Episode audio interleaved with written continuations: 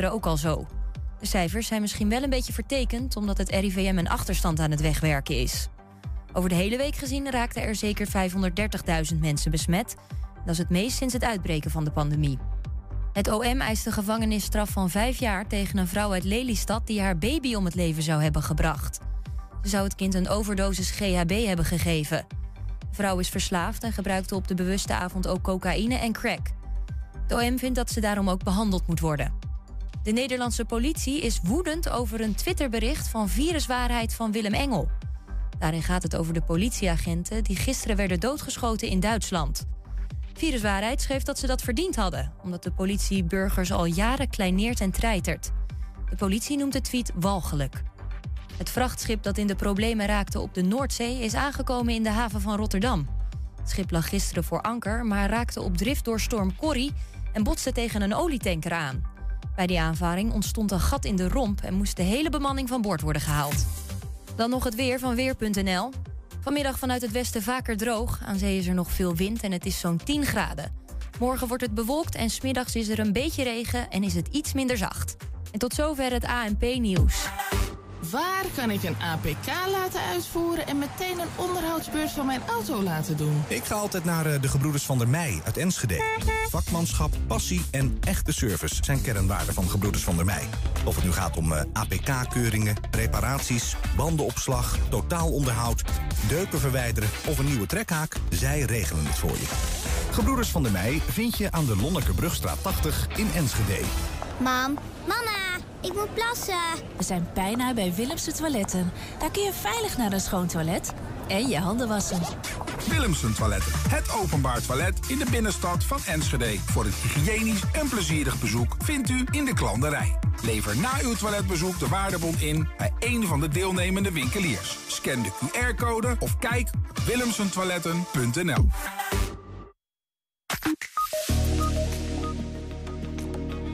De moskee in Enschede lijkt het dan eindelijk echt te komen, besloot de gemeenteraad gisteren. Maar de coalitie ligt aan flarden. Theo Bovens heeft zijn ambtsketen afgedaan en keert terug naar Maastricht. Muzikante Anne Linde van de Veen bracht een ode aan zijn stad. Vers van de pers, Natasja en René Warmerdam die beginnen een eh, tweede vestiging van hun lunchcafé Stoet. Dit keer in de Biep in Hengelo. En de column van Ton Ouwehand tijdens februari jazzmaand, als dat maar goed gaat. Het is dinsdag 1 februari. Dit is 120 vandaag.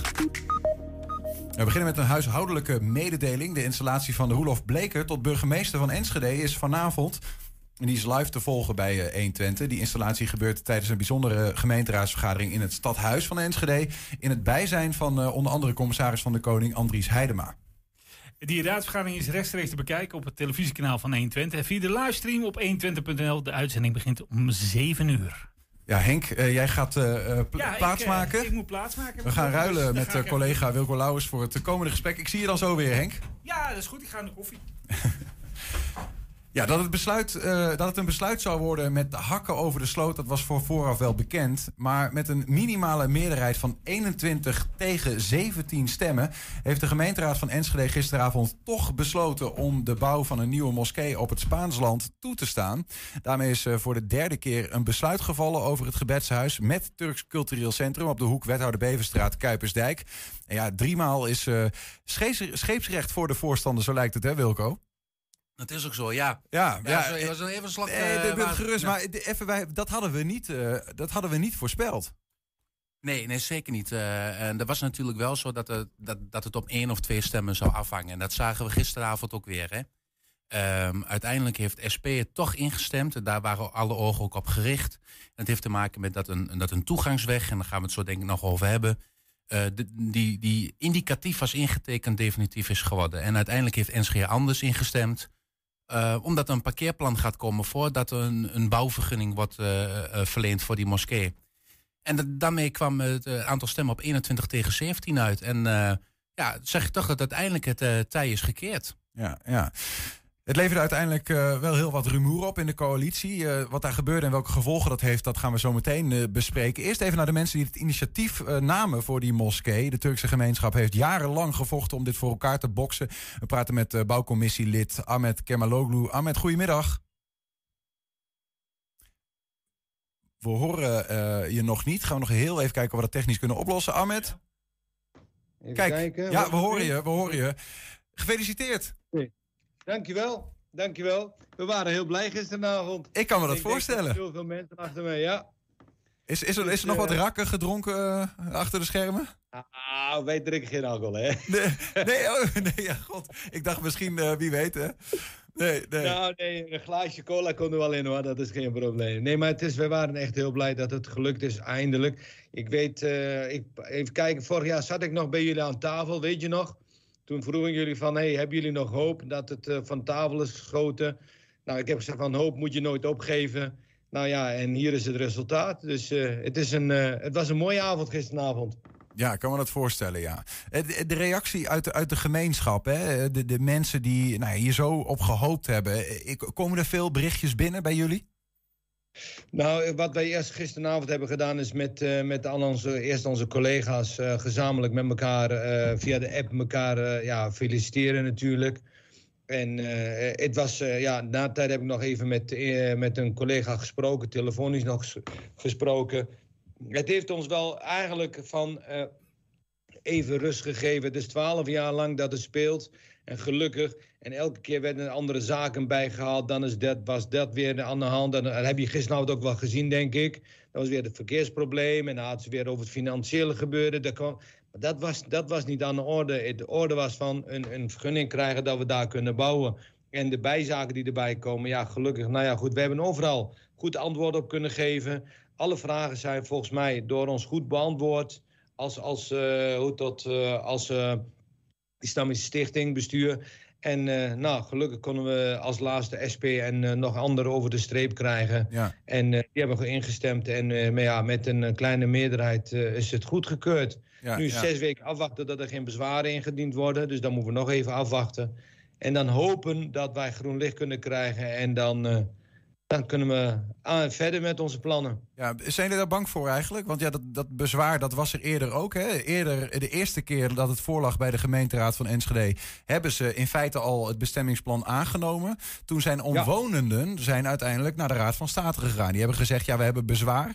En de Raad van State heeft toen dat bestemmingsplan eigenlijk eh, van tafel geveegd... Om, op grond van die bezwaren. Zijn jullie daar opnieuw Nou, bang maar voor? Er waren niet de bewoners, maar er was Praxis en, en, eh, en eh, hoe dat? De, de, de, de winkelketen Praxis die heeft daar toen bezwaar ingediend. hè? Oké. Dat is toen eh, eh, door de. Door de eh, is het, vanwege de verkeersdrukte, de planning, is het afgewezen. En nu is het opnieuw gelukkig. Nou ja, vorig jaar is het weer door de gemeenteraadsleden. Met, om hele andere reden was het weer afgeketst. En nu is het weer eh, goedgekeurd. En hopen dat. Nou ja, goed, we wachten even af of er bezwaren komen. Ja. Nou, ik hoop het niet, maar er zullen vast wel komen. We wachten gewoon even af.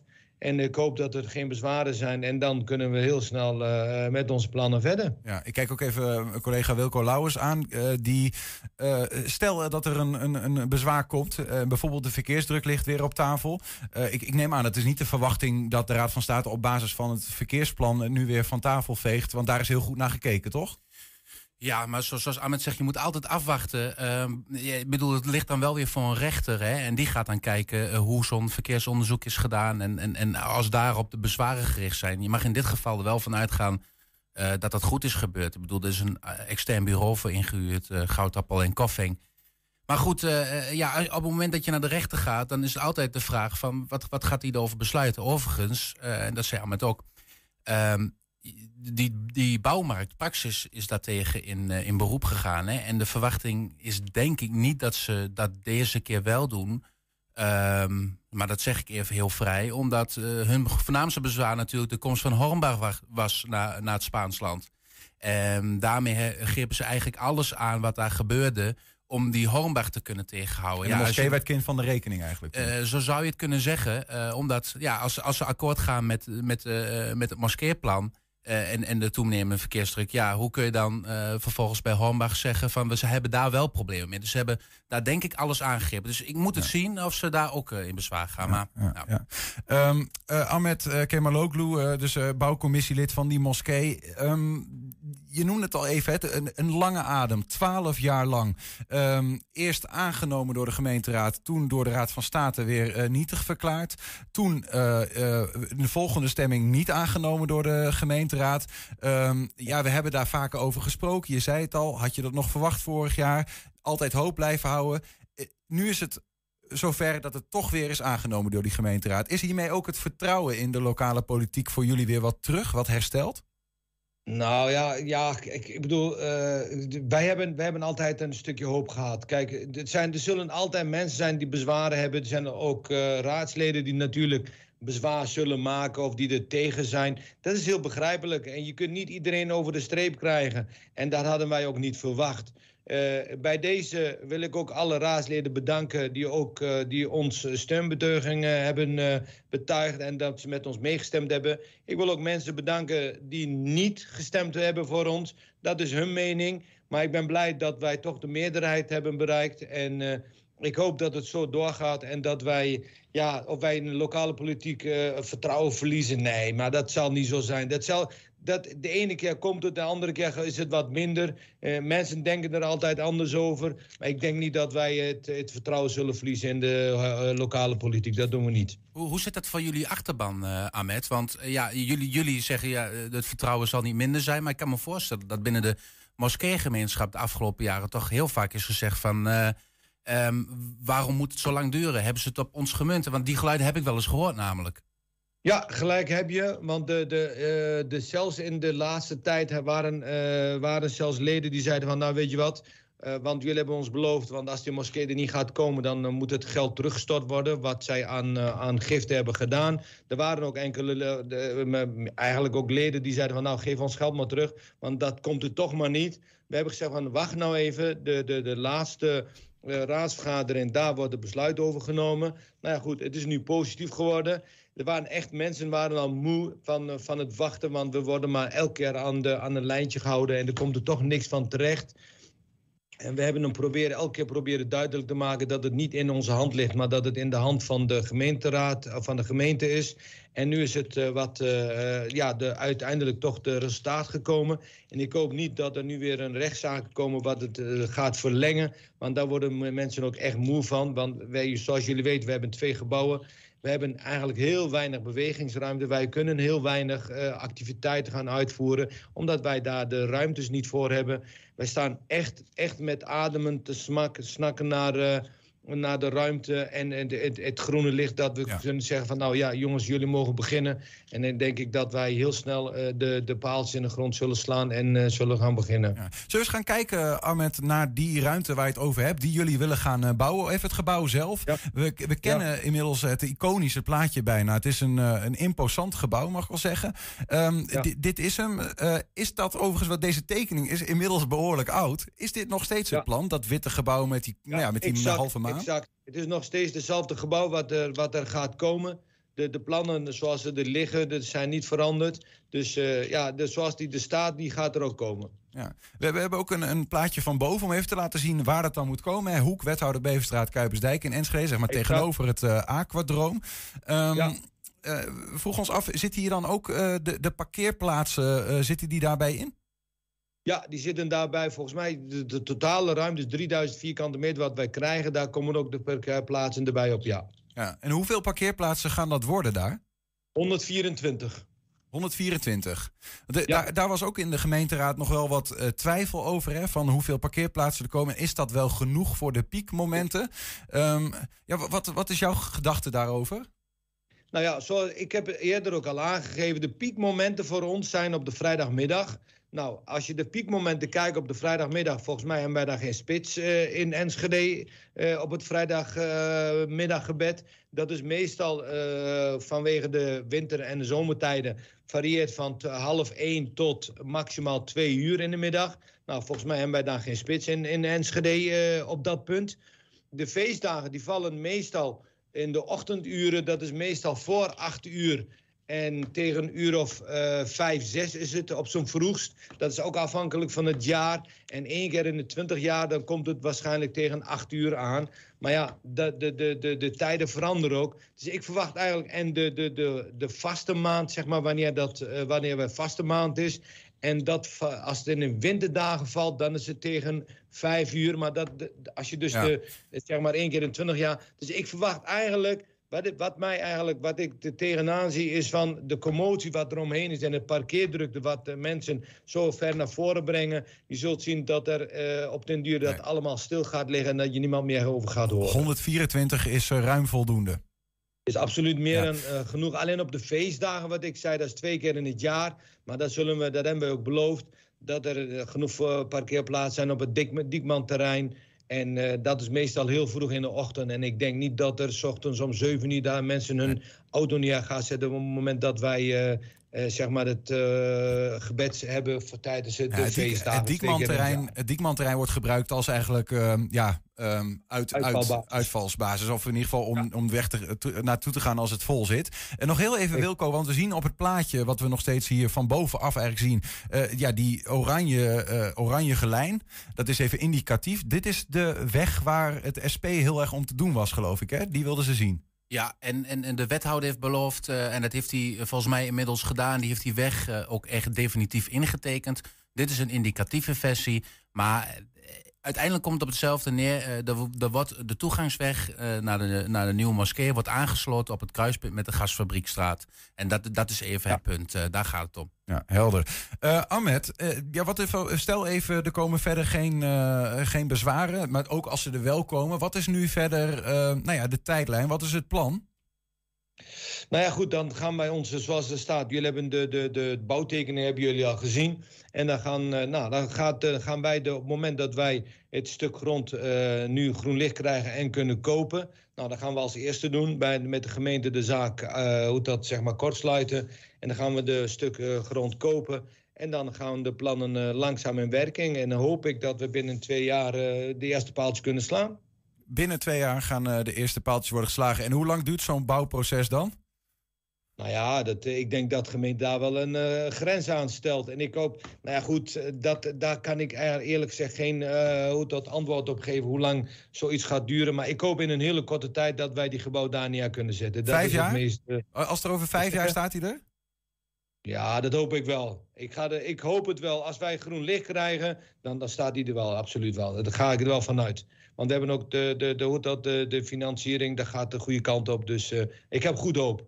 We gaan het meemaken. Gefeliciteerd in ieder geval nogmaals. En eh, nou ja, Ja, su- succes eh, verder. En ja, we gaan het zien of er bezwaren komen. En eh, ja, we, we blijven het volgen. Ahmed uh, Kemaloglu, dankjewel. jullie ook bedankt. En nogmaals, alle raadsleden wil ik u bij deze nog een keer bedanken... die ons gesteund hebben in deze zaken. En ja, ik hoop dat we snel groen licht krijgen. Staat genoteerd. Ja, jullie ook bedankt. Ja, dan uh, Wilco, we het toch ook nog ergens over hebben. Want uh, de inkt onder het zwaar gewogen raadsbesluit over die moskee was nog niet droog. Of het uh, volgende tumult diende zich al aan in het Enschedeze stadhuis. Mede na, namens D66 en de P van de A zegt de ChristenUnie-voorman Henry de Rode het vertrouwen op in coalitiepartner VVD. Zometeen praten we met een van de hoofdrolspelers. We gaan eerst even kijken hoe dat gisteravond ging. Ik heb waardering voor de positie die burgerbelangen hierin heeft ingenomen. Waarvan we altijd al wisten dat ze hier problemen mee hadden, dat ze bezwaren hadden. En hebben ze vanavond ook op een heldere, constructieve manier uiting aangegeven. Ikzelf, de ChristenUnie en de andere partijen, Partij van de Arbeid en D66, moeten ook tot de treurige conclusie komen dat er een coalitiepartij is die naar onze mening zich er niet voor heeft ingespannen. Op geen enkele wijze. En dat is bijzonder teleurstellend. En dat doet ons pijn. Dat doet ons oprecht pijn. Maar dat doet wel wat met ons. We hebben er lang over zitten te denken, wat moeten we daar nou mee doen? Op dit moment, zo'n maand voor de verkiezingen... een dag voordat we hier een nieuwe burgemeester laten aantreden. Maar we hebben ook gevonden met elkaar... dat genoeg ook een keer genoeg is. En dit is dat moment dat genoeg ook eens een keer genoeg. En dat betekent voor de Partij van de Arbeid, D66 en de ChristenUnie... dat wij het vertrouwen in onze coalitiefractiegenoot VVD hiermee opzeggen. Ja, onze fractie uh, is toch verbaasd uh, met wat er vanavond uh, gebeurde. Ehm, ja, aan de andere kant, kennelijk is dit een politiek feit. Ehm, ja, wij hebben zoiets, de stad moet bestuurd. We hebben nog een week of drie, vier, los van de campagne... voordat de verkiezingen starten. Ja, en ik kan alleen maar zeggen... wij eh, gaan op de manier zoals we dat altijd hebben gedaan, constructief... Uh, graag door met uh, de stad besturen. Ja, voorzitter, we zijn in opperste verwarring vanavond. En uh, ja, wat we vanavond zien is eigenlijk beschamend. D60, PvdA en ChristenUnie zeggen het vertrouwen op in de coalitiepartij VVD. Wat schiet de Enschedeze inwoner hiermee op? Maar om het maar gewoon even zakelijker te stellen. Ik hoor meneer De Rode zeggen... wij zeggen niet het vertrouwen op in het college. Dus het college kan gewoon het werk blijven doen. U zegt, ik zeg het vertrouwen op naar de VVD. Daar gaan we niet over. Daar gaat straks de kiezer over. Niet wij hier. Ja, dat, dat ik moet even zo doen. Um, ja, dit helpt wel wat mevrouw Visser hier stelt, want zo zit het feitelijk in elkaar. En de heer zegt net ook in zijn bijdrage... Uh, verantwoordelijkheid nemen voor de stad en haar inwoners. En we hebben net in het college met elkaar gesproken van wat is nu die situatie. Ik ga dat niet herhalen, want ieder woord wat mevrouw Visser net heeft gezegd... is feitelijk juist. Het college heeft elkaar in de ogen gekeken. Dualistische systeem. Uh, de vertrouwensband, collegialiteit, et cetera... daar loopt ons niets in de weg in het college. We hebben met z'n vijven het gezegd, ook in het bijzijn van de voorzitter van het college. En we hebben gezegd, wij gaan die laatste zes, zeven weken... totdat die verkiezingen er zijn. En daarna nog eventjes dimensionair naartoe. Maar dan gaan we gewoon verder. Ja, bij ons aangeschoven inmiddels is uh, Gert-Jan Tillema, hij is fractieleider van D66. Welkom. Goedemiddag. Ik moet zeggen, ik was ook een beetje in de war toen ik het nieuws uh, zag. Want ik dacht van ja, wat, wat betekent het uh, eigenlijk dat uh, een deel van de coalitie het vertrouwen in een coalitiepartner opzegt? Maar misschien eerst even een stap terug. Wat gebeurt hier nou feitelijk gewoon zo op zo'n avond? Um, nou ja, volgens mij heb je het gezien. we hebben een debat gehad over de komst van de moskee. dat debat zelf, dat, dat liep nou ja, voor ons wat, wat mij betreft goed af. Uh, Jullie waren voor de precies, komst van de moskee? Ja, ja, en daar hebben we ons steeds voor ingezet. En uh, ze ook een ChristenUnie en Partij van de Arbeid overigens. Um, ja, en, en, dat eindigde op zich goed. Alleen dat kent natuurlijk een voortraject. En dat voortraject, daar hebben we, in, je weet, VVD en BBE voor een groot deel zijn tegen. Nou, je mag best wel van, van mening verschillen. Uh, maar bij burgerbelangen zat daar een, een hele andere houding in richting onze uh, uh, drie partijen dan bij de VVD. En je, het betekent als je zo ver uit elkaar ligt dat je met elkaar afspraken moet maken. Nou, die afspraken die hebben we gemaakt. al in januari 2021, kort nadat toen de Raad nee heeft gezegd tegen het vorige bestemmingsplan. Um, ja, en, en daarvan hebben we wel gezegd met elkaar, dan moet je, als je eruit wil komen, want toen stond de coalitie toch ook onder hele grote druk. En dan hebben we gezegd, van, dan steken we de koppen wel degelijk weer bij elkaar. We gaan ervoor zorgen dat het niet, zoals de heer Teuteling dat mooi kon verwoorden, niet alleen de kleur van het kafje van het raadsvoorstel moet veranderd worden, maar er moet wezenlijk aandacht zijn voor, voor wat er, nou, voor, de, voor de bezwaren vanuit burgerbelangen en de VVD. Ja. Um, nou, in het geval van burgerbelangen hadden ze er wel moeite mee om goed te kunnen omschrijven waar nou die precieze uh, problemen zaten. Dat ging bijvoorbeeld over dat zij het vermoeden hadden dat er veel meer drukke dagen zouden zijn dan die twee in het jaar. Nou, waarom dan? En uh, dat soort vragen kwamen erachter weg. Maar onderaan de streep, hoewel dat moeizaam ging, uh, gingen die onderhandelingen en die gesprekken binnen de coalitie tussen burgerbelangen en de andere drie goed. VVD hield zich wat afzijdig en uiteindelijk was de VVD niet bereid om te bewegen. En dat gaf ons wel het ja, wat, wat doen we hier dan dit hele jaar? Maar, mm -hmm. maar de stemverhouding was gisteren uh, niet anders dan een jaar geleden. Hè? Toen was burgerbelangen ook, en ik, ik, ik zeg het steeds verkeerd, dat moet ik even goed zeggen, waren er vijf tegen, twee, twee voor. voor. Ja. ja um, en gisteravond was dat niet anders. Dus, maar je zegt wel het vertrouwen op in, in, de, in de VVD, maar niet in burgerbelangen. Wat maakt dan het, het verschil? Want de stemverhouding is precies hetzelfde. Nee, nou, nogmaals, uh, het was niet zo dat we zeiden: uh, jullie moeten voorstemmen, anders hebben we een crisis. Dat zou een beetje kinderachtig zijn. Ja. Uh, want dan, ja, dan, dan, omdat je je zin niet krijgt, dan stop je ermee. Zo, zo was het niet. Um, met name burgerbelangen was goed in staat om uiteindelijk nou, een beetje met een omweg, maar wel te verwoorden waar hun eh, ruimtelijke problemen en bezwaren sta- zaten. En de VVD kon dat veel minder goed. Eh, dat heeft er, als ik er zo een beetje op terugkijk, denk ik ook toe geleid eh, dat eh, we wel met burgerbelangen eh, goed op weg waren om naar een oplossing toe te komen. Nou, en uiteindelijk eh, denk ik ook dat bijvoorbeeld wethouder Niels van den Berg heeft een burgerbelangenachtergrond. Heb ik eh, een jaar geleden ook best wel eh, stevige verwijten gemaakt over waarom hij met name niet beter luisterde naar de bezwaren van de SP. Ehm, ik kan niet anders concluderen dan dat, dan dat wethouder van den Berg deze ronde echt keurig netjes gedaan heeft. Met respect voor voor- en tegenstanders. Heeft daar goed naar geluisterd. Heeft geprobeerd om daar een, een, een weg in te vinden. Eh, zodat je in alle redelijkheid eh, tot een goed besluit kunt komen. Ja. Ja, en de VVD draaide ter elfde uren eh, eigenlijk daarvoor weg. Ehm, en die zei, wij gaan daar niet aan meewerken. Nee, dus de onderbouwing van hun nee is niet goed genoeg wat jullie betreft.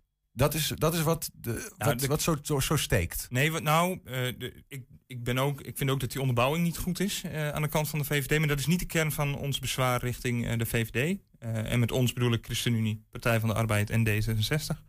Ehm, de- kern van het bezwaar is dat je afspraken maakt en die niet nakomt. En dit was ook niet voor het Want de eerst. afspraak, eh, welke afspraak hebben ze dan niet nagekomen?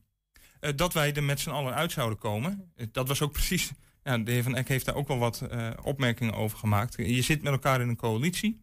Eh, dan moet je op een gegeven moment ook voor wat lastige dossiers. En dit is, eerlijk is eerlijk, gewoon een lastig dossier geweest binnen de coalitie. Eh, eh, daar moet je samen afspraken over kunnen maken. Die afspraken zijn al, de eerste afspraken zijn al in januari eh, 2021 hierover gemaakt. Gaandeweg het jaar zijn daar eh, andere afspraken ook bijgekomen. Ehm, en, en steeds weer kwamen wij tot de conclusie dat de VVD die afspraken dan niet nakomt. Eh, en kun je een voorbeeld van noemen? Want het, Ja, want je, zegt net, eh, je kunt niet dwingen om, om voor te stemmen. Eh, dus wat, wat verwacht je dan van de VVD? Nou- Eh, dat ze gedeeltelijk voor gaan stemmen, toch? Of... Nee, nou, wat we hebben gezegd met dat kafje, dat eh, niet alleen maar een voorstel met een andere kleur kafje, maar de- we zijn. eh, eh, eigenlijk is het uitgangspunt geweest wat in 2016 is afgesproken.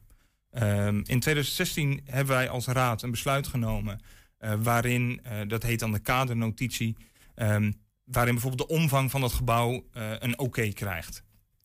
Dan is het logisch dat het bestemmingsplan wat ingediend wordt ook eh, ja, daarmee eh, matcht. En eh, dan moet je dus niet die omvang van die moskee weer opnieuw ter discussie gaan stellen. En eh, als je dat dan, als je wel andere bezwaren hebt, dan is dat prima, maar er moet dan ruimtelijke bezwaren zijn. Want dat zijn de dingen die je bij een bestemmingsplan kunt regelen. En ja, bij de VVD bleven argumenten aankomen als eh, de lange arm van Ankara. En nou ja, gisteren kwam eh Kemal Atatürk in 1924 kwam ook weer voorbij. Eh, ja, dat helpt niet. Dan kom je er met elkaar niet uit. En dat lag dus ook niet in lijn met de afspraken die wij met de VVD hadden. Dus de, er zijn afspraken vanuit het verleden ook al. Die eh, eigenlijk gewoon al zwart op wit stonden. Als we het bestemmingsplan maken, dan gaat dat er zo uitzien. En die werden nu opnieuw weer ter discussie gesteld. Terwijl die al rond waren, maar met een andere, eigenlijk een andere argumentatie eronder. Met Ja, een soort van ja. rare argumentatie. Eh, ja, en in het geval van, van burgerbelangen. Kijk, ook eh, gisteren gaf de heer Teuteling wel aan van ja, wij zien het liever, liefst dat die kleiner is. En dat je alleen de gebedsruimte overhoudt en niet de andere ruimte. Eh, maar onderaan de streep heeft hij ook gewoon een aantal argumenten op tafel gelegd. die verkeerskundig van aard zijn. En ehm, nou ja, dan, dan snap ik dat je. daar kun je anders in staan. Je Mhm. kunt het gevoel hebben dat er meer mensen uit Duitsland komen. en dus met de auto. Eh, dan wat eh, gemiddeld genomen. Maar je kunt ook anders in de situatie staan dat de VVD banger is voor de lange arm van Erdogan of van Ankara, of hoe je het ook maar wil noemen, toch? Eh, Ja, dat, dat kan. Alleen, er ligt ook gewoon een democratisch besluit uit 2016 die zegt... op deze plek mag als, als kadernotitie een moskee met, met gebouwen van deze omvang komen. Ja. Ehm, Wilco, we, we- we hadden graag eh, René Kreeft eh, ook eh, bij dit gesprek betrokken. Of in ieder geval van hem fysiek of wat dan ook een reactie gehad. Eh, die hebben we niet op beeld, maar je hebt wel iets van hem gekregen, geloof ik. Ja, hè? ja René, René kon niet komen, dat lukte niet. Met VVD woordvoerder wat dat betreft. Vanwege andere afspraken. Ik heb wel met hem contact gehad. En nou, het is wel even goed om ook even hun kant van het verhaal erbij te betrekken. Ehm, ja, ik lees even een appje voor. Hè. We hebben, ehm, hij zegt ook, als je wijst, wijzen er drie vingers ook naar jezelf. En dat is een, een, een verwijzing naar eh, de, de drie fracties ook die eh, het vertrouwen hebben opgezegd. Hij zegt, we hebben steeds in dit vrije onderwerp zuiver en transparant gehandeld. En, en ten opzichte van tien jaar geleden is er nogal wat veranderd rondom dit onderwerp. De laatste drie, vier jaar zijn we als fractie heel consistent. Dus eigenlijk deze periode, zegt hij, hebben we telkens aangegeven... wij willen hier ehm, niet in meegaan. Ehm, en met betrekking tot het leveren, hè, eh, de afspraak... ehm, ja, zegt hij, we hebben uiteraard bekeken waar de aanknopingspunten lagen... en die vonden we niet voldoende. En zo gaat het in een democratie. Ja, dat is. eh, hoe denk, kijk jij daarna, eh Geert-Jan? Ehm, nou ja, dat zou dan aardig zijn dat hij dat in februari tegen ons zegt. En niet in eh, nou ja, kort voor. en ik heb het dan over vorig jaar februari. Niet nu, deze februari. Eh, nou, dit was een belangrijk dossier. Maar goed, diezelfde problemen met afspraken nakomen. Maar bedoel je Eh, dan dat hij had, had moeten zeggen, ehm, afgezien van wat er ook gaat gebeuren met parkeerdruk, eh, eh, wegen, wel of niet verkeersdrukte. Wij hebben vooral bezwaren met die lange arm van Ankara en we gaan, het niet, we gaan niet meestemmen, punt. Nou ja, kijk, op het moment dat je dat in januari 2021 zegt, volgens mij heb je dan staatrechtelijk of democratisch ook een probleem, omdat je dan ja, op, een on- op een niet-ruimtelijke grond een bestemmingsplan wil weigeren, wat niet kan. Ehm, dus dan, maar dan heb je een heel ander gesprek. Ja. Dan, dan heb je in ieder geval een soort open vizier met elkaar. Ja, en wij voelen ons nu toch wel een beetje eh, voor het lapje gehouden, een jaar lang. Eh, want net voor, het, eh, voor de eindstreep.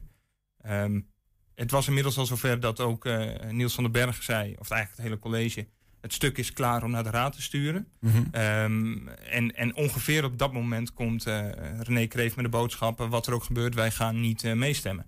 En, eh, wij Dat hadden jullie anders wij verwacht. ja, want ik heb hem letterlijk de vraag gesteld, maar René, jij hebt in het verleden voorgestemd. Je hebt nu, de laatste keer heb je tegengestemd en je lijkt nu ook op een nee af te koersen. Wat heb jij nodig om toch een ja te krijgen? Dan kunnen we dat bespreken. Nou, en dat was dus eh, heel laat in het traject. Eh, en toen zei hij, nee, de, ik heb niks meer nodig, eh, ik ga sowieso tegenstemmen. En dat is wat dat betreft het antwoord wat je niet kan geven. Nou, wat, wat ons betreft niet. Want dan zijn we dus een jaar met elkaar in een traject geweest waardoor je. En we hebben in het begin gezegd, dit moeten we als coalitie met elkaar regelen. En, en niet pas niet, niet van de SP laten afhangen. Met al respect voor het standpunt van de SP hoor. Ehm, maar ja, het is gewoon een belangrijk onderwerp. En je wil niet nog een keer een wethouder. eh, Nee, oké, maar dus met, eh, kort gezegd, je verwacht of een ja of een nee met een onderbouwing waar je mee naar huis kan komen. Eh, of, en die gaat dan bijvoorbeeld over parkeren of verkeer, eh, maar niet over de lange arm van Erdogan, want dat mag geen bezwaar zijn. Eh, nou, eh, eh, dat mag voor een bestemmingsplan, kan dat gewoon juridisch geen Nee. bezwaar zijn. Ehm, we we willen het ook nog even hebben over het gevolg van deze, van deze vertrouwensbreuk. Hè, waar het in, in de video die we net zagen ook al even over ging. Ehm, wat, wat betekent dit nou feitelijk? Want ja, jullie hebben normaal dan met elkaar eh, coalitievergaderingen. Ik neem aan, zoals ik het dan zie, dan eh, ga je met elkaar bespreken van gaan wij, wat gaan we nou doen met deze stemronde en wat gaan we hier doen. Die zijn er dan niet meer of zo? Wat, wat betekent dit voor Enschede?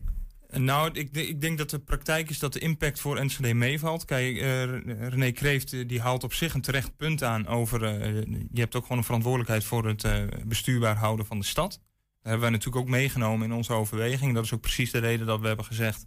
nou, de termijn tot aan de verkiezing is zo kort. Ehm, hoewel misschien wethouder Diepemaat wel iets meer op zijn fractie had kunnen inpraten... moet je ook gewoon zo eerlijk zijn. Een wethouder is niet verantwoordelijk voor het gedrag van de fractie. Ehm, en in dat licht hebben we ook gezegd... eh, wij kunnen best wel door met eh, Jeroen Diepemaat voor de time being, zeg maar. Om gewoon die laatste maanden... eh, ook nog een stukje demissionair straks natuurlijk. Ja, maar je zegt het vertrouwen dus in de VVD-fractie, fractie. in, de, in de raad, zeg je op. Maar wat betekent dat dan feitelijk? Wat, wat is daar het gevolg van? Dat, dat wij in feite gewoon nu geen coalitieakkoord meer hebben... en de overleggen die je normaal gesproken hebt met elkaar als coalitie om eruit te komen... ehm, Die vinden niet meer plaats. Nee, niet met de VVD erbij. Maar er komen ook nauwelijks nog, nog items aan bod, denk ik, waar... Nou, ik denk dat moskee het laatste item was waar, waar de verhoudingen nog een beetje op scherp kunnen staan, toch? Het, is, het klopt dat het het, het zwaarste dossier is. Er zijn nog wel een aantal in de volgende eh, echte raadsvergadering. We hebben vanavond natuurlijk de installatieraad eh, van de heer Bleker. Maar wat, wat is dan het statement uiteindelijk? Eh, dan waard zou je ook kunnen zeggen, doe je niet heel veel meer schade aan, ook na de verkiezing, als je misschien toch weer met elkaar om tafel moet? Of, Of is het juist een verkiezingsstunt, zoals sommige partijen Nou, ook, ook, ook zeggen? Nou, kijk, ehm, wij hebben met opzet in onze verklaring ook dat hele woordje verkiezingen verder niet genoemd. Eh, we hebben het wel gedacht van ja, je zit nou zo kort voor de verkiezingen, wat is het nog waard? Aan de andere kant, ehm, het is nou de derde keer dat we op dit punt hebben gestaan. De eerste keer was na het debat eh, over de vluchtelingen. Ehm, toen stonden wij op het punt om te breken met de VVD, maar toen brak de coronacrisis uit. Toen hebben we gezegd dat, dat kunnen we niet doen. Eh, want de stad heeft wat anders aan het hoofd dan een, dan een college eh, of een, een coalitiecrisis. Ehm, vorig jaar rond de stemming van de moskee, eh, toen hebben we opnieuw op dat punt gestaan. En, en weer was corona daar toch een beetje een apart geval in. Want wij zaten allemaal digitaal te vergaderen. En een, een degelijke manier van met elkaar overleggen in een coalitie, dat was eigenlijk niet goed mogelijk. Dus toen hebben we gezegd, laten we dan toch wel de koppen opnieuw bij elkaar steken. En juist ook omdat zowel VVD als BBE eh, zeiden dat ze de ernst ervan inzagen. eh, en en eh, wel dat gesprek met elkaar aan wilden. Dat zijn ook stevige gesprekken geweest. hebben wij gezegd, nou dan gaan we wel degelijk door. Maar ja, zoals ik net ook al zei, dit was niet een incident. Dit, dit was de zoveelste Toen, keer. toen, toen zeiden jullie ook nog bij wijze van de stad moet bestuurd. Hè, wat, wat René Kreeft eh, hoorde zeggen. Nu zeggen jullie ja, de stad moet bestuurd, maar niet meer op deze manier eigenlijk. Ja. Ehm, kun je zo eh, wel verder hè, in maart gemeenteraadsverkiezingen? Eh, Gaat D66 met VVD in een coalitie zitten volgende termijn? Nou, ik denk dat op dit moment de koppen bij de VVD een beetje op onweer staan. Dus dat, dat, dat, eh, daar, daar zullen we nog wel een paar kopjes koffie over moeten drinken. De volgende ronde is natuurlijk wel een andere fractie. Eh, daar zullen wel personen in zitten die er nu in zitten en de volgende ronde er ook in zitten. Ehm, dus dat zal niet zomaar van een leien dakje gaan, van twee kanten niet. Eh, maar om nu te zeggen dat wij eh, dat er geen coalitie komt met D66 en VVD, dat is eh, eh, of met PvdA en de ChristenUnie, want dat is toch ook wel belangrijk om erbij te eh, zeggen. Ehm, nee, dat, dat geloof ik niet. Dat is, dat is te vroeg om dat Ja. te stellen. Maar dan eh, zie ik wel in dit nou ja, statement, om het dan zo maar te zeggen, hè, die, dat opzeggen van het vertrouwen, ook een, ehm, ja, een, een soort van advies of een, iets wat je van de VVD verwacht. Een gedragsverandering om überhaupt volgende coalitie goed met elkaar te kunnen regeren. Stel, Ehm, dat, hè, stel dat je in een coalitie terecht zou komen. Eh, Wat verwacht dat, je dan? Dat, dat klopt. Nou, dat de VVD een betrouwbaarder partij gaat zijn. als het gaat om afspraken maken en die ook werkelijk nakomen. Eh, een ander voorbeeld was. dat is nog veel recenter. eh, over de subsidie en die moties. eh, voor de subsidies voor 120. Daar hadden wij coalitieafspraken over. Nou, ehm, daar gingen VVD-handjes en PvdA-handjes omhoog. PvdA heeft daarvan gezegd. oeh, dat was niet de bedoeling. Nou ja, de- de- ongeluk kan gebeuren, maar bij de VVD eh, hebben we nou niet het signaal gehad dat dat een ongeluk was. Integendeel. Oké. Er werd links beloofd en uiteindelijk gingen ze rechtsaf in de stemming. Ja, en dat zet, dat, dat zet kwaad bloed. Wat, Ehm, wat overigens nog wel bestreden door de VVD, hè? dat het, eh, eh, dat het bewust was. In ieder geval de twee eh, eh, Maar raadsleden. goed, dat is een voorbeeld Ja, ja. Uit, uit een serie van gebeurtenissen waaruit jullie concluderen als, als drie coalitiepartijen van ja, dit, dit, zo kan het niet meer voor nu. Dat eh, ja, dat klopt. Energievisie was ook een voorbeeld over Ja. de hoogte van windmolens, waar we afspraken over hadden in de coalitie. Maar juist daarom is het dan niet een veel sterker statement om het zo te zeggen dat je zegt ja, maar de afgelopen periode is nou niet bepaald een gelukkig huwelijk geweest. Het voelt meer als een soort gedwongen huwelijk, omdat je toch aan elkaar een beetje verbonden was na de uitslag van de vorige verkiezingen. Volgende termijn gaan we dit niet meer doen, omdat het vertrouwen er blijkbaar dus niet is. Maar het vertrouwen kan dus hersteld worden, begrijp ik. Nou ja, nogmaals, ehm, eh, eh, zou de VVD-fractie en ook de fracties van de ChristenUnie, Partij van de Arbeid en D66 hetzelfde zijn, dan, dan zou het een hele ingewikkelde route worden. Eh, nu zijn er ook wel wat hordes te nemen. Maar op een moment dat aan alle kanten toch wat andere poppetjes komen te zitten, dan kan ik me goed voorstellen dat ook iets als vertrouwen in elkaar en, en ehm, ons vertrouwen in de VVD wel weer kan groeien. ja. De komende, wat is het nu nog? Anderhalve maand tot aan de verkiezingen. Dan, eh, ja, hoe, hoe gaan jullie dan als coalitiepartijen met elkaar om? Spreek je elkaar helemaal niet meer? Of, eh, Nou ja, eh, de drie partijen die het vertrouwen hebben opgezegd in de fractie van de VVD, die hebben heel goed contact met elkaar. Ehm, er is ook iets van contact geweest met de fractie van Burgerbelangen. Ehm, en met de VVD heb ik nog geen contact weer gehad. En volgens mij mevrouw Hummels en meneer De Rode ook nog niet. Ja. Maar dat komt vast nog, hè? Ja, eh, de- absoluut. Eh, wat mij betreft wel in ieder geval. Eh, je moet wel altijd met elkaar in gesprek willen blijven. Eh, ook als je zegt, ik vertrouw niet meer dat wij samen in die ene coalitie kunnen zitten. Succes, eh Gert-Jan. En eh, in ieder geval nog eh, tot aan eh, de, de verkiezingen met dit, eh, ja, deze coalitie of niet. eh, om het met elkaar te redden. Gert-Jan Tillema, dank voor je reactie nu. Graag gedaan. En Wilco ook, dank voor jouw duiding. Geen probleem. Zometeen Natasja en René Warmerdam. Die beginnen een tweede vestiging van hun lunchcafé Stoet. En dit keer doen ze dat in de Biep in Hengelo. En even tussendoor trouwens. Woon je in Enschede, dan willen we van jou graag horen... wat er volgens jou echt aangepakt moet worden in de stad. Vul de vragenlijst eh, daarom in op 120.nl slash vragenlijst. Wij geven jouw mening door aan de politieke partijen... die meedoen aan de gemeenteraadsverkiezingen. En dit is jouw kans dus om het eh, verschil te maken. Ga naar 120.nl slash vragenlijst. Dankjewel. 120. 1. 120 vandaag. Gisteravond was de laatste keer dat waarnemend burgemeester Theo Bovens de ambtsketting mocht dragen. Vanavond wordt namelijk de nieuwe burgemeester Roelof Bleker geïnstalleerd. En omdat het eh, deze tussendag nog net even kan, willen we het volgende niet onthouden. In de eerste aflevering van Kracht van Enschede was Theo Bovens namelijk bij ons eh, te gast. En hij bracht, en bracht muzikante Annelinde van der Veen een ode aan hem en aan zijn stad Maastricht. Gelooft u in toeval, eh, meneer Bovens? Eh, toeval is een mooie kreet. Hè? Ik weet niet van welke dingen. Toeval is de God voor degenen die niet in God geloven. Dus ik geloof in toeval, ja. Er is eh, nogal een eh, toeval nou ja, hier tot stand gekomen namelijk. Ehm, de redactie van dit programma die had Annelinde van der Veen uitgenodigd. Enschedeze muzikante die eh, een nummer heeft dat heet Mijn Stad. Ehm Annelinde, dat nummer gaat niet over Enschede, toch? Nee, gek genoeg niet. Het gaat over Maastricht. Kijk. Nou ja, dan hebben we hier toch een toevallig eh, samenloop van... eh, Ja, eh, ja maar goed, ik, ik stel het toeval wel zeer op prijs. denk ik. Ja, precies. Overigens daag ik Annelinde ook uit om een keer een lied over Enschede zelf te schrijven. Want Enschede is, me- heeft mij verbaasd, heeft geen volkslied. Eh Maastricht wel, dat zal, zal ik je nog eens een keer leren. Maar de, eh, dus wel, Stukje? Klein stukje nu? Als, als de mensen eh, vragen, zing het volkslied, dan gaan ze het Twents volkslied zingen. Dat, dat viel mij meteen op. Dus wellicht is dat nog een, eh, een opdracht voor eh Annelinde. Ehm Annelinde, je- nou ja, moet je, nog- wil je nog inleiden of eh, zeg je van het lied spreekt voor zich? Nou ja, het, het heet Mijn Stad. Ik heb het lied ook niet Maastricht genoemd. Ehm, ik ben in Enschede geboren en ik ben tien jaar lang in Maastricht verzeild geraakt door de liefde. En ehm, op een gegeven moment ging ik weer terug en ik merkte toch dat een geliefde hoeft niet een persoon te zijn. Het kan ook een stad zijn. En je kan in, je, in een stad kan je je hart verliezen en jezelf terugvinden. En ehm, ik merk dat ik af en toe toch heimwee heb naar Maastricht. Ondanks dat ik hier woon. En ehm, daar gaat het nummer over. Over de vergankelijkheid van een stad. We gaan luisteren.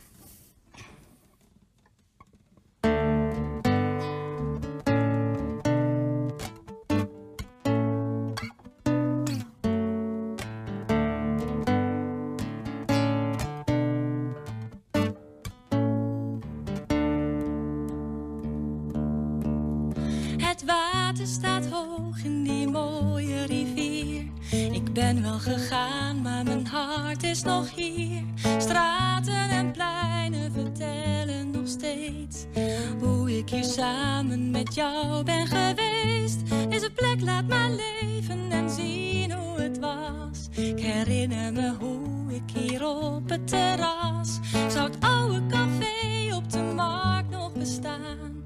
Ik wou hier echt nooit ver weg vandaan. Ik wou hier echt nooit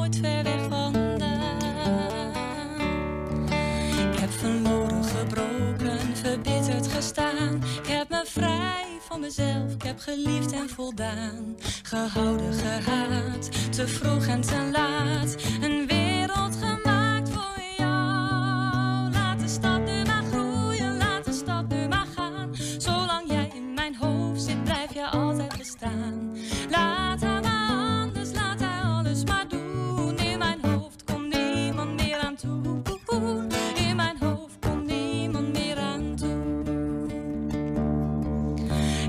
thuis gevoeld in deze stad. Gevangen genomen en liefdes gehad. De wind die waait nog steeds op de brug. Maar het water dat stroomt alleen nooit meer terug. Bij mij was het gras altijd groener. S'avonds zaten we dicht bij elkaar. Van de lucht kon ik leven, hield me vast, liet me gaan. Wat is geweest, dat blijft bestaan. Wat is geweest, dat blijft bestaan. Ik heb verloren, gebroken, verbitterd gestaan. Ik heb me vrij van mezelf, ik heb geliefd en voldaan. Gehouden, gehaat, te vroeg en te laat.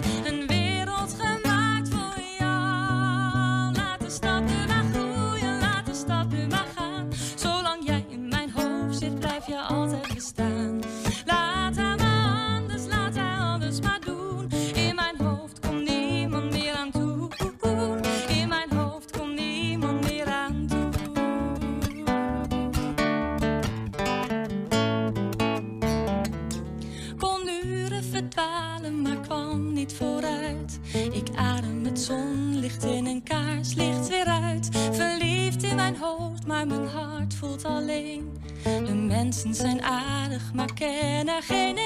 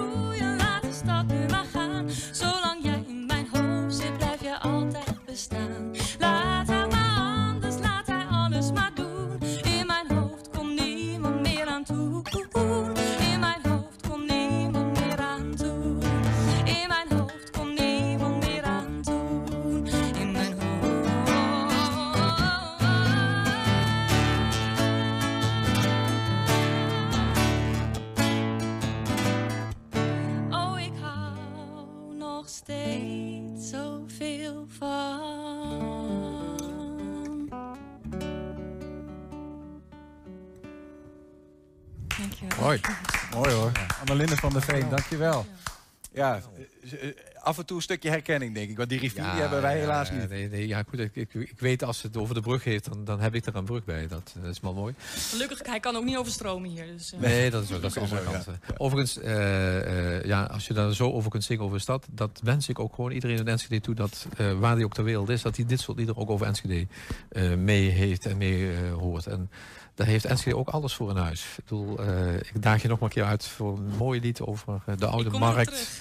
Of wat, welke vesten dan ook die we hebben. Dus prima. Ja. staat. 120. 1. 120 vandaag.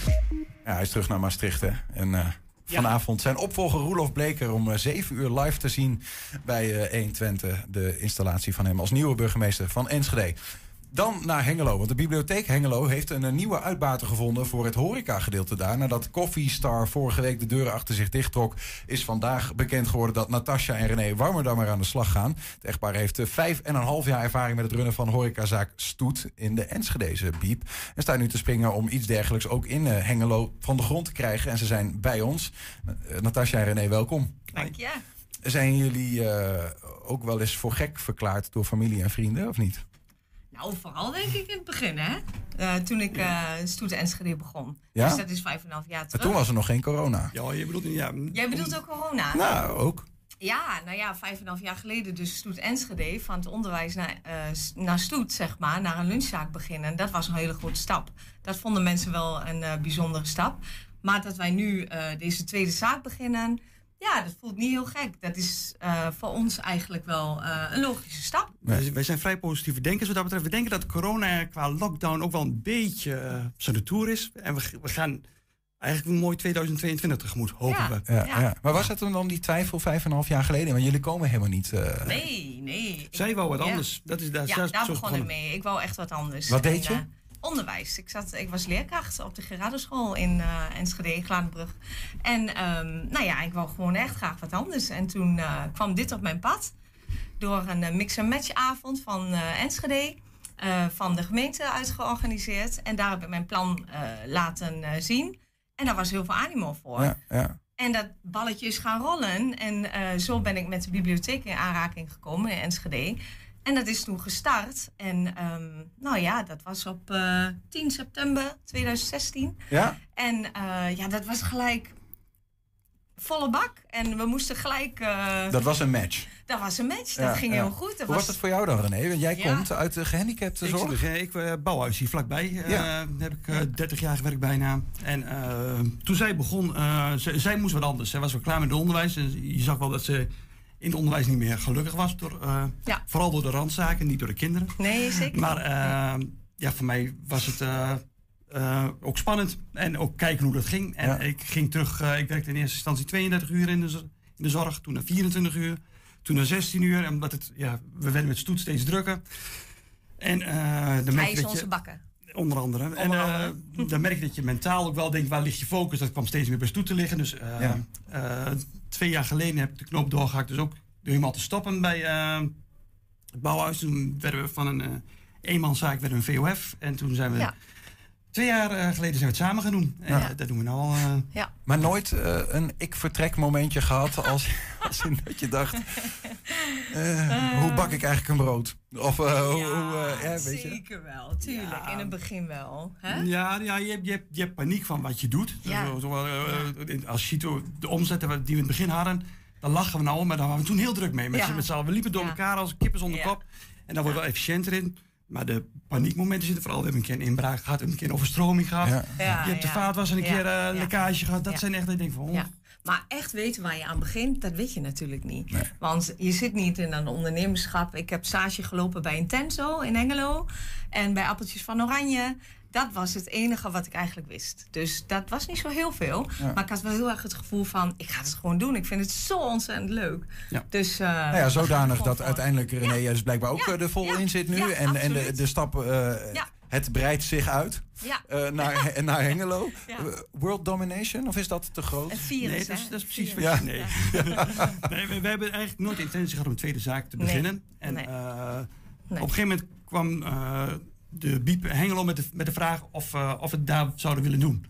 En die match vonden we te leuk. We hebben wel in het verleden Ja. ook al vaker vragen gehad van andere partijen. Van, nou, willen jullie iets met ons doen? En die urgentie voelden we toen helemaal niet. Nee. En, eh, maar dit vonden we gewoon een leuk concept. En het, eh, Ja, want dat is ook weer eh, in, in de biep, hè? Ja. De- en, Ja. en, en Stoet is ook zo verbonden Ja. met de biep in Enschede. Ja. Ik zag laatst dat Ja. jullie een, een, ook daar trouwens een Ja. stapje, een hapje uit de biep nog Ja. hebben genomen. Die zijn echt naar binnen getreden. Ja. Ehm, is dat dan is dat de kracht? Wat is de kracht, zouden jullie zeggen, van Stoet? Want het is een beetje een, eh, toch wel een wat apart eh, Ja, lunchcafé. het is wel net even wat anders, hè? Ja, Ja. ja. maar dat is het misschien. Ik denk dat ehm, eh, de prijs-kwaliteit verhouding heel goed is. Heel veel mensen kunnen... Is, het is betaalbaar voor heel veel mensen. Maar je kunt ook gewoon een boterham met kaas eh Precies, kopen, dat kan ook. Ja, ja, dat kan ook. En ik denk gewoon dat het voor, eh, voor het hele, eh, voor jong en oud geschikt is. Hè? Als jij als, als oma en opa met je kleinkinderen wil komen, kan dat. Student, men- kinderen van 16 die even een tussenuurtje hebben, die een carrot cake kopen met z'n tweetjes en dan een gratis glas water erbij pakken. Alles kan, alles mag. Ja. ja wat dat betreft zijn wij heel laagdrempelig, denk ik. Daar houden we allebei heel erg van. En ehm, ja, we, we voelen het ook heel erg. Maar hoort dat ook echt bij die biep? Zeg maar. Is, Ja. is wat dat betreft, Ja. is dat zo gegroeid? Of is Stoet en de biep echt wel een, twee handen op één buik? Toen wij met Gerard uh, de voormalige directeur, daarover spraken, had hij ook heel erg die insteek van uh, iedereen moet hier kunnen gaan zitten. Hè? Het moet voor iedereen toegankelijk zijn. Dat vond hij heel belangrijk. Hij wilde juist, die prijzen mogen niet te hoog zijn. We willen dat iedereen hier koffie kan drinken en wat kleins kan uh, kopen. We Ja. zien hier de, eh, de foto's van het, het ondertekenen van een en ander. Dat is vanmiddag. Dat dit is nog gevechtvers van de pers. Eh, hoe lang geleden nu? Anderhalf uur of zo? Ja, vier, half vier. ja. Ehm, Oh, eh, maar het moet ook gezegd worden, want je ziet hier met eh Frederik Westa, eh, de biep-directeur in Hengelo. Ja. De eerste gesprekken met de bibliotheken waren anderhalf jaar Ja, geleden. dat is wel een beetje een verhaal wat zijn leven is gaan leiden. De- de- Anderhalf Ja. jaar geleden was er een initiateur Ja. een keer in de biep bij Ja. ons. En die zei, dat zou, dat zou ik mooi vinden, ook in Hengelo. Ja, ja. En dat, eh, dat was zijn- de voormalige directeur van de Biep in Hengelo. En toen is een beetje gekscherend gezegd van nou is het overal voor open. En vervolgens Ja. is er ook een hele tijd niks meer van gehoord. ja. En toen kwamen op een gegeven moment, eh, liepen de contracten daar af met eh Coffee Star. eh, Met de vorige Ja. exploitant. En, toen, toen zijn we opnieuw benaderd van nou, eh, Ja. Eh, willen jullie wat? En dat, ja, dat, dat liep nog even spaak, want er liep wat vertraging op. Maar daar zijn we verder geen partij in geweest. Nee. Dus het eh, duurde wat langer voordat we daar konden openen. Ja. En eh, Ja, dat valt wel mee. Het werd op een gegeven moment wat concreter eind vorig jaar. En toen, kon toen ging het in één keer snel. En Ja, ja, ja. ja. toen was het in één keer waarheid. Ja. Hoe ga je dit eigenlijk doen? Want dat vraag ik me sowieso een beetje af. Het stoet in Enschede had je eerst ja, wel bij de biep, maar wel zat er wel een muurtje tussen. nou zit het al half in, in de biep. Ja. ja, als ik daar een broodje aan het eten ben met iemand, dan wil ik ook nog een beetje met elkaar praten. Maar ik heb altijd geleerd, in de biep moet je stil zijn. Ja, Hoe werkt het dat is een goeie wat je zegt. Want dat is precies wat eh Frederik ook graag wil. Hè, de nieuwe biep is niet meer stil en fluisteren. Maar dat is een biep waar van alles gebeurt, zeg maar. Waar kinderen kunnen eh, spelen met elkaar. Waar ehm, mensen, eh, ouders met kinderen elkaar ontmoeten. Waar gewoon veel gebeurt en waar gezelligheid is. de en, huiskamer, eh, hè, wordt de altijd gezegd. huiskamer, Over- ja. Heel veel huiskamers. Ja, al, eh, nee, maar dat, is er ook weer in. ja, maar dat willen ze ook eh, in, de, in de Biep in Hengelo. Je wat, het, het moet de huiskamer van Hengelo worden. Ja. En dat is precies wat wij gaan doen Ook daar. een maatschappelijke eh, plek. Ja. Ja. De- Ik denk dat we met beide eh, directeuren hebben we wel eh, eh, zulke huurcontracten afgesloten dat we relatief eh, soepel kunnen eh, zijn in, het, eh, in de doorloopsnelheid. Als je bij ons twee uur zit met een kop thee, eh, dan, dan jeukt dat niet direct zo sterk. Nee, dan omdat er plek dat- genoeg ja. is. We- we- Boekje ja. erbij. Ja, we Ja. krijgen veel ruimte om, om plekken te creëren. Ja. Ja. Ja. En eh, dat, dat, dat, dat is natuurlijk heel leuk in de biep te doen. Hè. Dat Ja. is bij ons ook wel veel. Ik denk dat je even dat wij misschien de enige of een van de weinige plekken in het centrum zijn van Enschede waar je rustig met een boek mag gaan zitten en lezen twee uur Ja. lang. Ja. En een kop, ko- kop Zonder dat elke drinken. keer iemand bij jou komt van... wil je nog wat drinken, wil je nog wat eten? Gaat het er anders uitzien in Hengelo? Ja. Ja, kun je er iets over delen? heel, heel leuk. Echt. Ja, ik ben super enthousiast. Ik ga niet veel eh, over uitweiden, duurt veel te lang. Maar ik heb eh Marloes Bos van Roodbos eh Interieur Styling eh, heb ik erbij betrokken. Want ik, ik had zoiets van, hoe ga ik dit doen?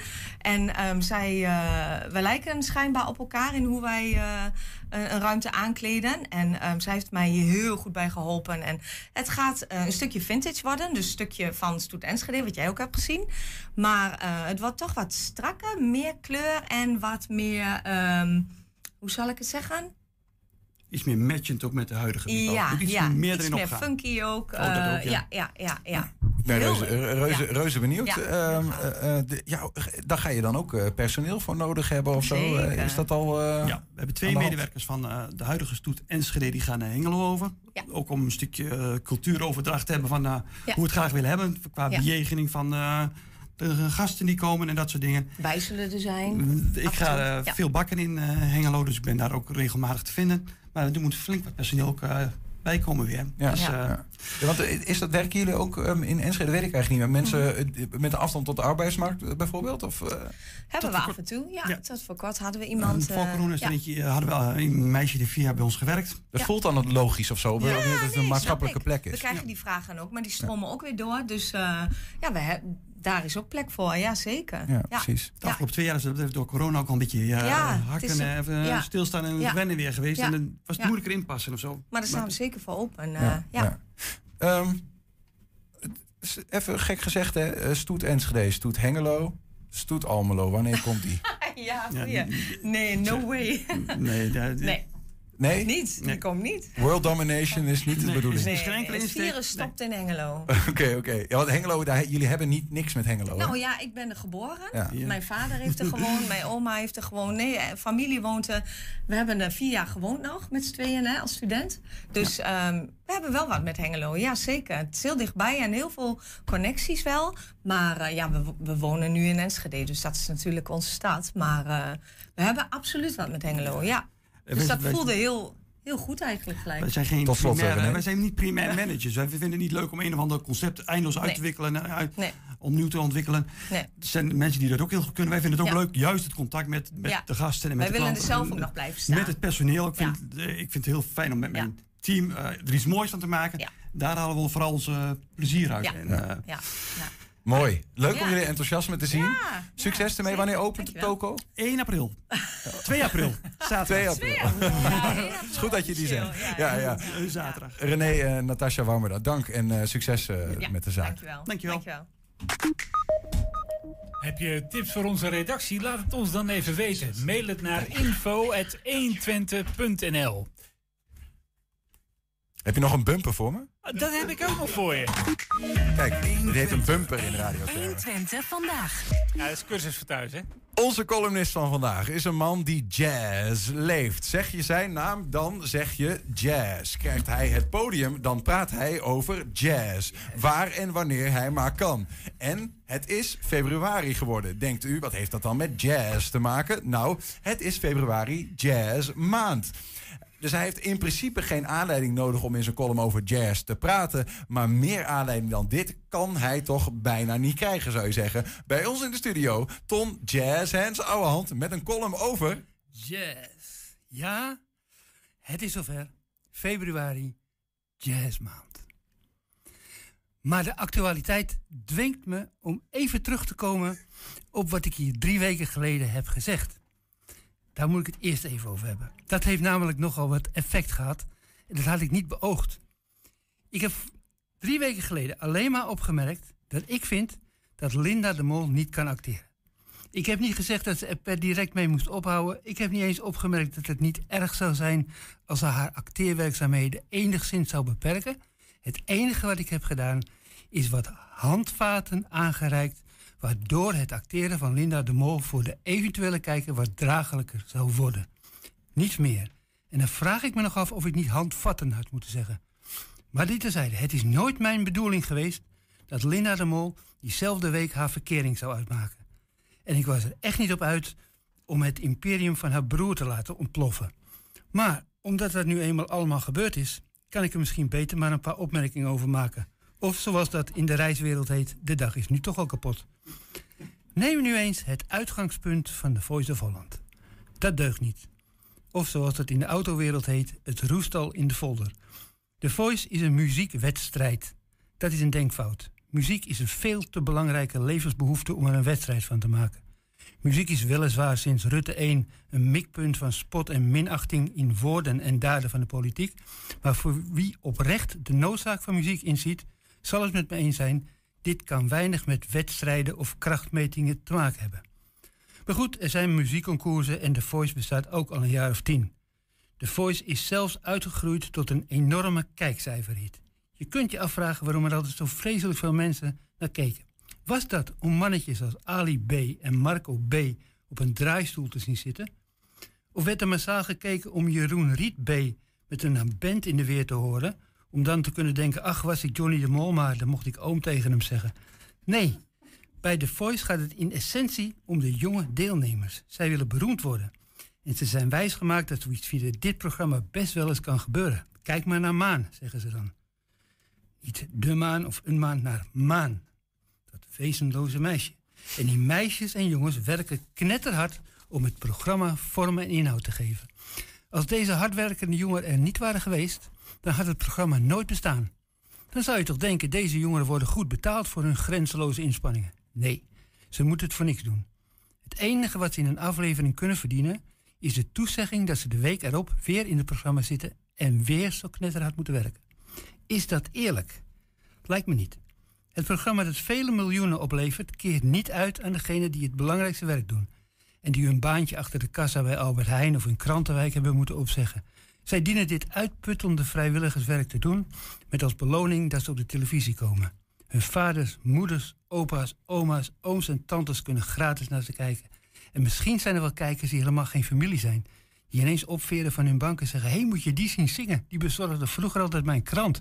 Of kijk, die zangeres die verkocht altijd worsten bij de HEMA. Geen honorarium voor de belangrijkste mensen van het programma. Wie er wel vorstelijk betaald worden... zijn mensen als Ali B., Marco B., bandleider Jeroen Riet B... en een regisseur wiens naam ik niet weet... maar die ongetwijfeld uit dezelfde B-circuit afkomstig is... En deze B-figuren vonden dat ze naast het riante salaris ook recht hadden op een aanvullende bonus in Natura.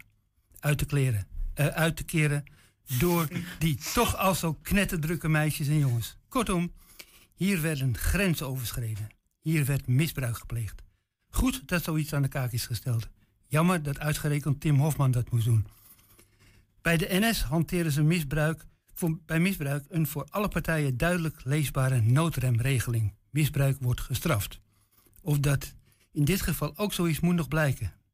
Ik begrijp ook wel dat ik nu net doe alsof ik overal verstand van heb. En dat is niet zo. Ik ben Angela de Jong niet.